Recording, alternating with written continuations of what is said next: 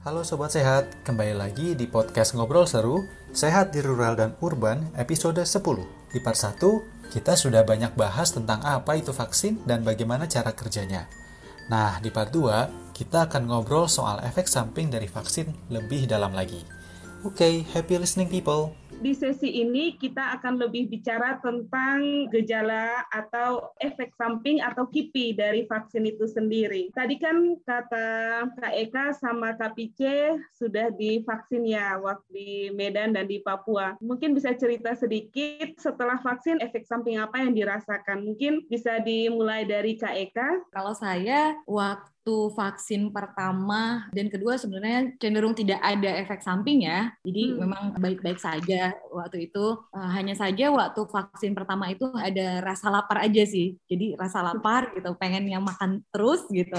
Kemudian setelah vaksin itu agak mengantuk, jadi saya memang langsung istirahat, istirahat tidur supaya lebih enak gitu. Selain itu tidak ada. Nah, vaksin yang kedua relatif lebih enak lagi gitu karena tidak ada rasa ngantuk gitu. Rasa laparnya juga tidak sebanyak vaksin yang pertama. Kalau di saya seperti itu, Kak. Kalau Kak Pice? Kalau saya justru uh, terbalik ya, saya malah dapat efek sampingnya itu lumayan terasa.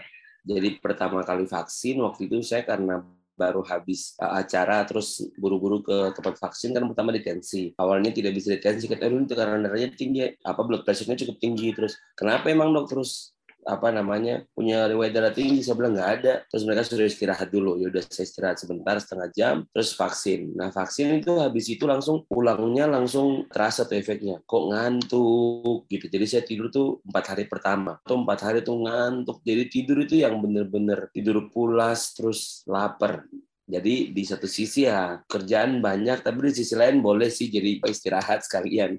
Karena memang cukup banyak kerjaan. Tapi yang saya rasakan tuh memang I feel like saya tuh kayak jadi venom tiba-tiba. Jadi makan terus terus lapar itu kayak tidak tidak tidak berhenti lapar. Jadi saya tinggal makan terus makan terus makan terus tapi saya hitung-hitung hari keempat sudah normal lagi gitu. Jadi karena selama selama masa pandemi memang saya sendiri mendisiplinkan diri untuk tidak boleh lapar sama sekali. Perut nggak boleh terasa lapar. Pokoknya kalau apa makan sebelum lapar terus berhenti sebelum kenyang begitulah. Pokoknya terisi terus perut gitu. Jadi vitamin kemudian susu jus buah itu saya konsumsi lebih banyak karena memang kegiatanku banyak. Tapi tapi memang untuk efek samping itu cuma dua yang saya rasakan tidur sama kelaparan gitu sampai pernah satu kali tuh saya ke gereja saya bawa pisang rebus bawa telur bawa roti bawa susu dulu di belakang terus sambil ibadah duduk terus makan terus kenapa baru habis divaksin jadi kelaparan? Gitu bawa satu box makanan. Isinya itu pisang rebus telur sama pokoknya makanan makanan sehat lah saya bawa setiap hari. Itu kayak setiap setiap saat gitu. Jadi dulu yang biasanya kalau beli air itu cuman di botol sedang sekarang beli selalu botol besar gitu. Selain karena Jayapura panas cuman memastikan untuk tidak dehidrasi juga seperti begitu. Jadi efeknya tuh yang rasain saya selalu hitung pertama maupun kedua tuh empat hari pertama itu pasti lapar dan ngantuk. Keren sekali pengalamannya ya sampai punya trik untuk membawa makanan saat ibadah.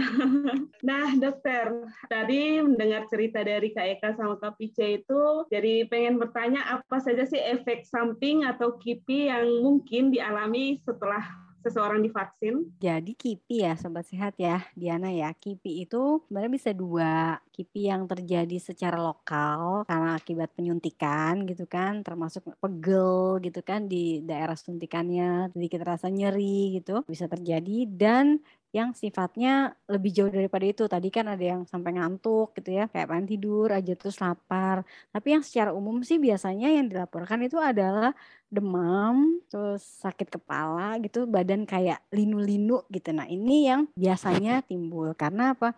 Karena tadi ya stimulasi benda asing yang masuk ke dalam tubuh. Walaupun sedikit kan tetap sama badan akan diberikan respon. Ya itu memang yang kita harapkan. Respon yang ujung-ujungnya tadi adalah pembentukan antibodi. Itu dari sisi lokasi tempat penyuntikan dan sistemik lokasi yang jauh. Tetapi memang kejadian ikutan pasca imunisasi ini bisa terjadinya cepat. Kan habis disuntik nggak langsung suruh pulang kan diobservasi dulu 15 menit gitu ya. Jadi yang cepat muncul gitu sama yang munculnya lebih lama daripada itu. Bisa sampai Hmm. beberapa jam setelahnya. Bahkan tadi beberapa hari ya muncul. Tetapi semua jenis kejadian ikutan pasca imunisasi itu akan hilang. Nah hilangnya ini Hmm. kalau kuat ya diantisipasi. Jangan sampai lapar diantisipasi pokoknya. Eh, bisa tanpa obat. Tapi kalau misalnya sangat mengganggu meminum obat tidak akan menyebabkan imunnya jadi nggak terbentuk. Kan ada Hmm. juga tuh sempat yang mengkhawatirkan duh kalau nanti saya minum obat nih ngatasin demam saya atau ngatasin rasa nggak enak badannya ini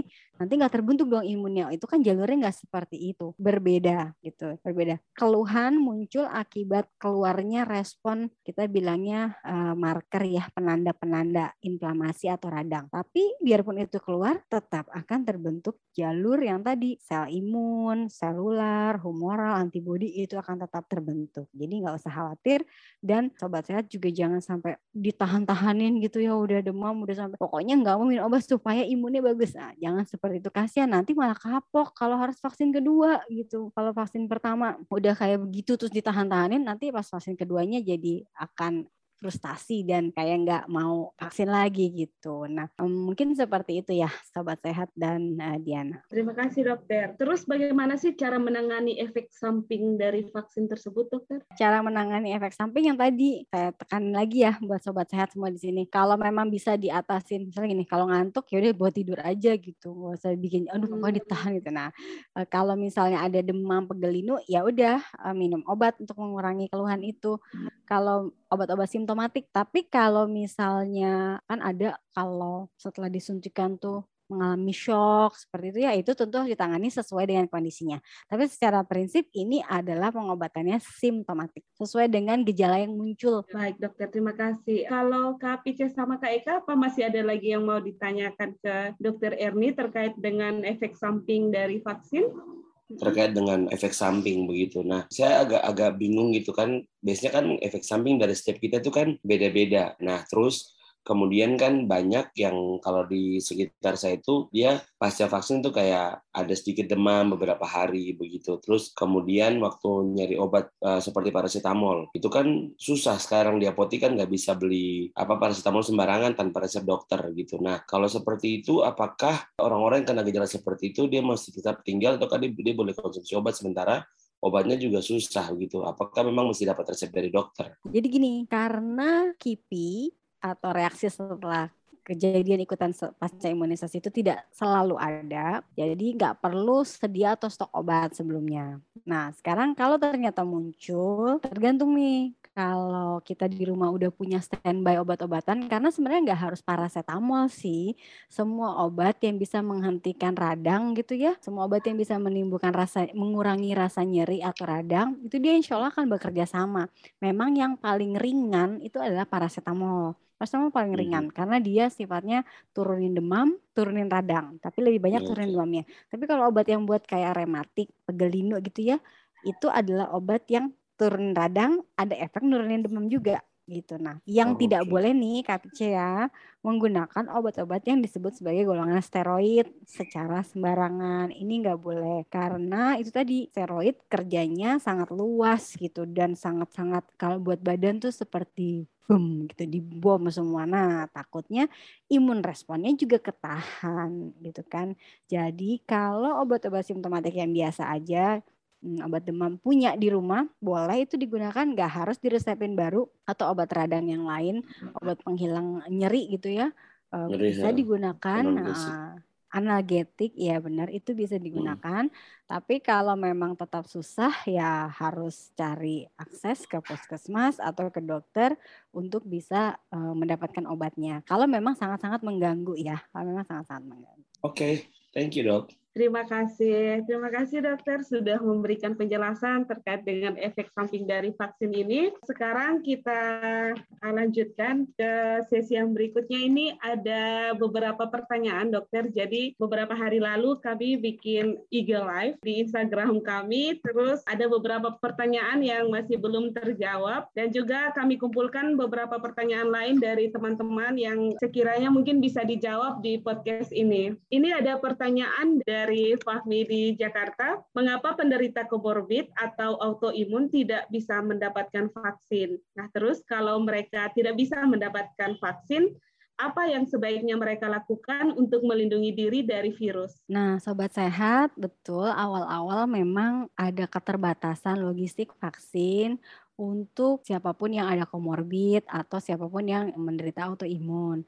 Tapi kan kalau sekarang kondisinya sudah berbeda karena jenis vaksin juga makin banyak sehingga vaksin-vaksin yang terutama kelompok mRNA itu dinilai dari penelitiannya itu lebih aman untuk diberikan pada orang-orang dengan komorbid. Sehingga sekarang sudah bisa diakses, tetapi tentu harus lewat jalur yang ditentukan karena kan harus mendaftar, kemudian harus memastikan belum pernah mendapatkan vaksin lain sebelumnya dan juga yang tidak kalah penting memastikan kepada dokter yang merawat bahwa kondisinya stabil atau sehat. Jadi kita tuh bisa minum obat tapi kitanya sehat.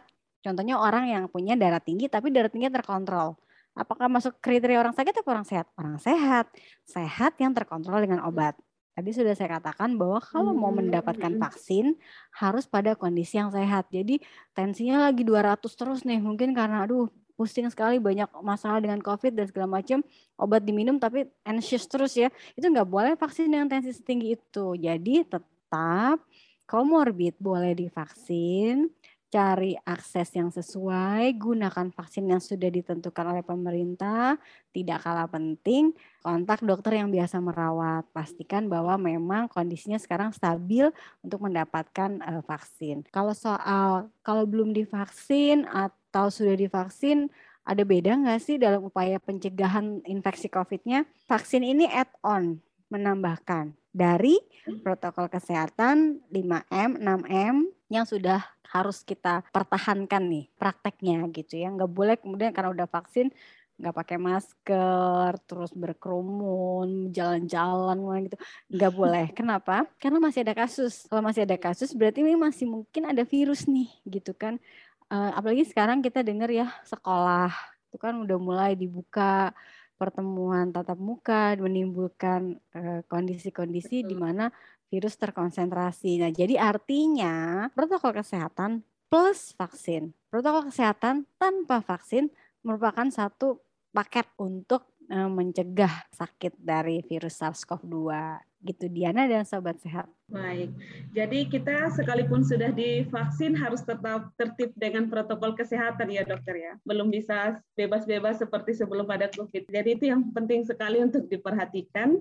Ada yang tanya di Instagram di, dari Retno Indrawati. Retno bertanya, kenapa ya kalau mau masuk Eropa tidak berlaku vaksin Sinovac? Meskipun sudah full dosis. Um, jadi gini, memang regulasi tiap negara itu dia melihat efektivitas dari vaksin. Jadi dia mau orang yang masuk ke negaranya itu memiliki atau menggunakan vaksin dengan efektivitas tertentu. Itu bisa regulasinya seperti itu.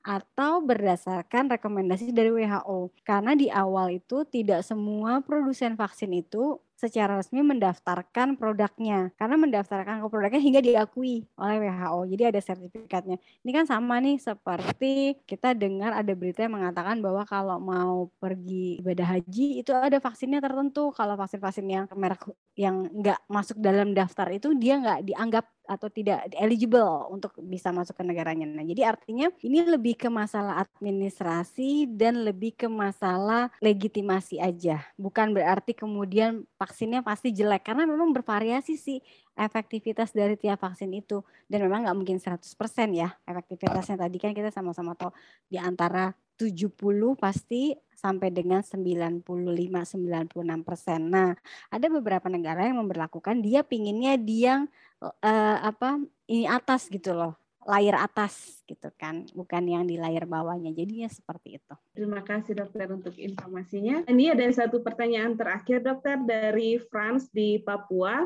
Apakah vaksin ini diberikan setiap tahun ataukah sekali seumur hidup? Vaksin ya sobat sehat sampai sekarang itu belum tahu nih apakah virus SARS-CoV-2 ini akan seperti virus influenza yang circulating tiap tahun akan ada terus sehingga kita setiap tahun tuh harus booster mendapatkan e, vaksin virus influenza. Ini kita masih belum tahu. Jadi kalau ditanya apakah setiap tahun dikasih hmm, supaya antibodinya tinggi terus? Bisa jadi kalau nggak hilang-hilang. Karena kan sekarang alhamdulillah kasus sudah turun banget nih. Mudah-mudahan sih udah nggak hmm. ada kasus baru lagi di beberapa bulan ke depan. Sehingga hmm. pandemi selesai gitu. Insya Allah begitu kan. Nah kalau udah seperti ini bisa jadi kita istilahnya berharap pada vaksinasi yang kemarin diberikan antibodi kita cukup. Karena udah nggak ada virus lagi gitu kan.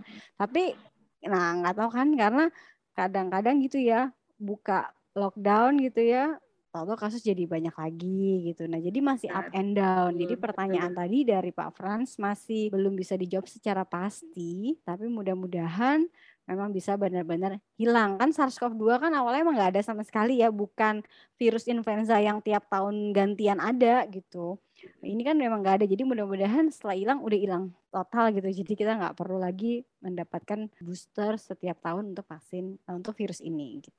Baik dokter terima kasih. Itu sesuai tergantung dengan situasi ke depannya seperti apa ya dokter ya kalau semakin baik, virusnya hilang ya sudah kita tidak vaksin lagi. Tapi kalau semakin parah bisa ada kemungkinan ya kita divaksin lagi. Oke, semoga ya kita berharap uh, ke sudah lebih baik lah. Itu tadi pertanyaan terakhir dari teman-teman di luar sana. Uh, apakah Kak Eka sama Kak Pice punya pertanyaan untuk Dokter Erni? Saya mau bertanya nih dok, ini ada kasus yang terjadi di Sumatera Utara teman saya ya. Jadi di uh, daerah tempat teman saya itu ada uh, masyarakat yang pulang dari Jakarta selama pandemi pulang dari Jakarta ke daerah gitu uh, karena memang tidak uh, tidak bisa bertahan lagi di Jakarta misal, misalnya di PHK atau kehilangan pekerjaan seperti itu ya dok ya. Nah waktu di Jakarta dia sudah mendapatkan vaksin vaksin pertama AstraZeneca. Nah ketika dia pulang ke daerah Eh, mau vaksin kedua gitu ya, ketersediaan vaksin dengan jenis yang sama itu tidak ada. Nah, sebaiknya seperti apa nih solusi supaya eh, orang tersebut juga mendapatkan daya tahan tubuh yang bagus? Ini real real world question ya, pertanyaan yang kenyataannya di lapangan tuh ada. Nah, uh, saya selalu mengatakan bahwa untuk COVID-19 ini kita memang harus lebih fleksibel ya, nggak bisa terlalu by textbook. Karena tadi um, kayak kak, hmm. kalau ideal tuh kita dapat vaksin satu, boosternya vaksin satu, kalau mau nambah lagi nanti kapan tuh vaksin satu juga. Jadi sama terus gitu. Karena kan sistem perangsangan imun sistemnya sel imunnya kan dia udah kenal sama yang ini gitu. Kalau misalnya ganti-ganti itu gimana? Nah tetapi yang menarik di negara-negara maju seperti di Inggris di beberapa negara lain itu mereka emang gantian. Jadi vaksin yang pertama tuh saat vaksin A yang kedua dia sengaja booster pakai vaksin B. Mau lihat efeknya di akhir seperti apa. Nah apakah ini bisa?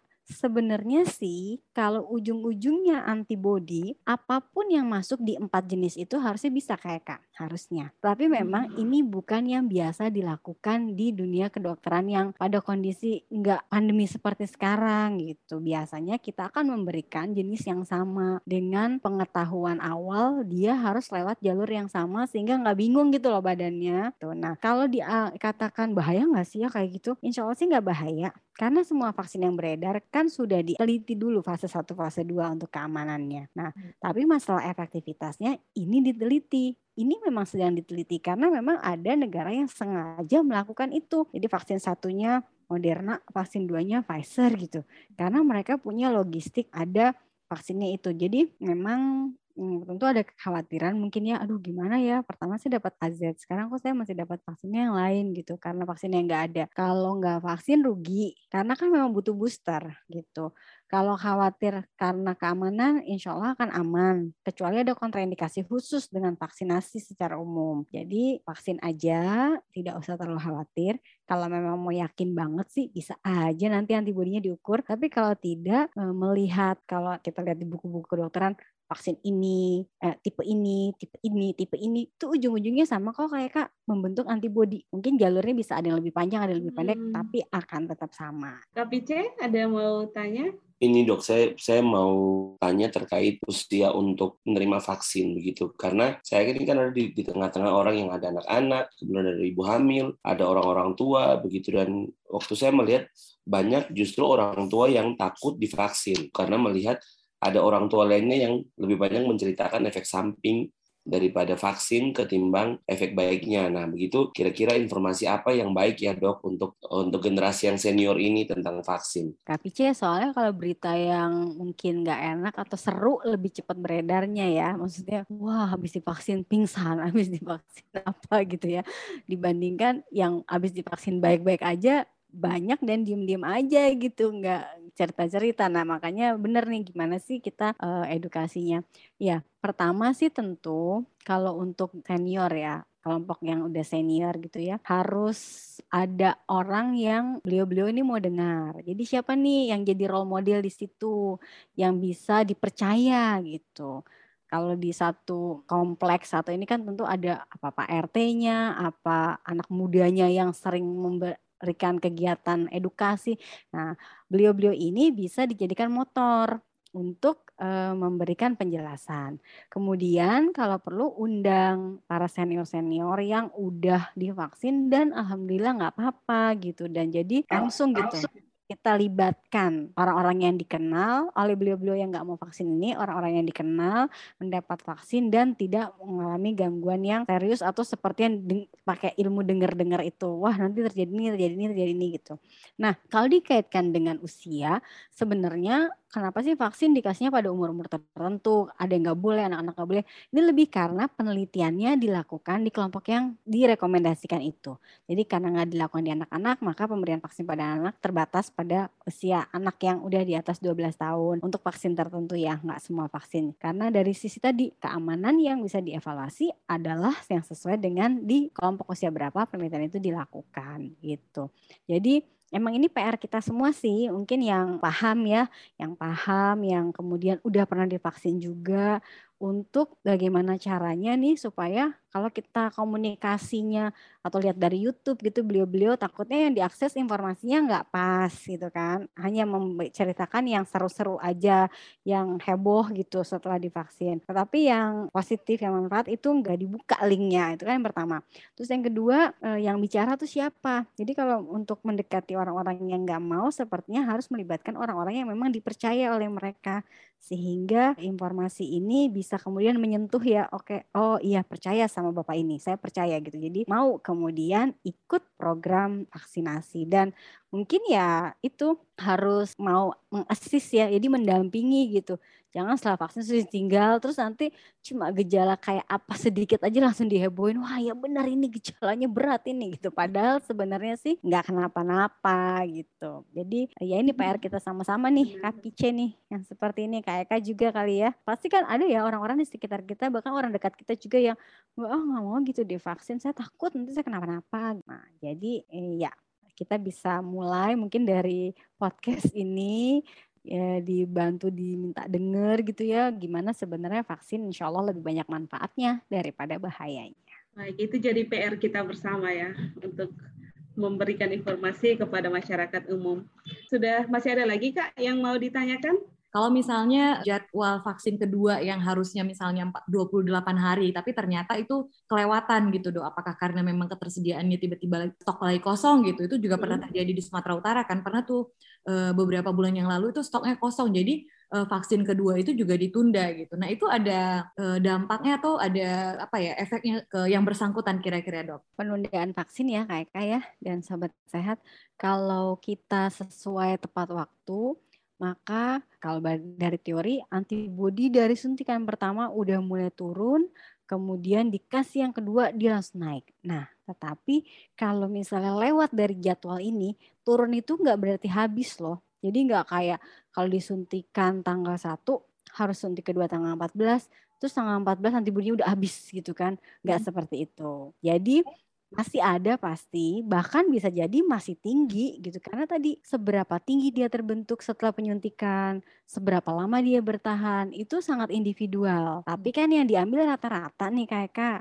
Sobat sehat semua yang diambil itu rata-rata. Jadi kalau misalnya lewat jadwalnya karena habis gitu ya logistik, masalah pengadaan dan segala macam, begitu ada terus harus dikepoin terus nih kapan adanya gitu kan. Begitu dapat aksesnya, segera lakukan vaksinasi ikutan yang kedua. Bahayanya ada enggak? Insya Allah sih enggak ada. apa terus jadi nggak efektif terus jadi habis dong nol nggak lagi nggak seperti itu sih karena kalaupun udah turun rendah kan akan di booster lagi ini justru akan kemudian menimbulkan loncatan atau puncak antibodi yang kedua yang berikutnya gitu. Terima kasih Dokter Erni, Kak Pice dan Kak Eka yang sudah berbagi di ruang podcast ini sudah menjawab beberapa pertanyaan dari teman-teman di luar sana juga sudah tadi sudah kemungkinan besar pertanyaan dari Kak Pice dan Kak Eka juga mewakili pertanyaan teman-teman di luar. Tidak lupa juga saya berterima kasih untuk semua sobat sehat di luar sana yang sudah mendengarkan podcast ngobrol seru sehat di rural dan urban pada episode ke-10 ini. Jika mungkin teman-teman masih memiliki pertanyaan yang belum tercover tadi dari ngobrol-ngobrol seru kita kali ini, teman-teman masih bisa bertanya di uh, media sosial kita di Facebook EOCRU atau juga di Instagram at underscore official silakan teman-teman DM atau mungkin uh, komentar di beberapa postingan kami. Nanti kami akan berusaha untuk uh, menjawab pertanyaan dari teman-teman. Nah, sampai jumpa lagi di ngobrol seru kita yang berikutnya. Terima kasih.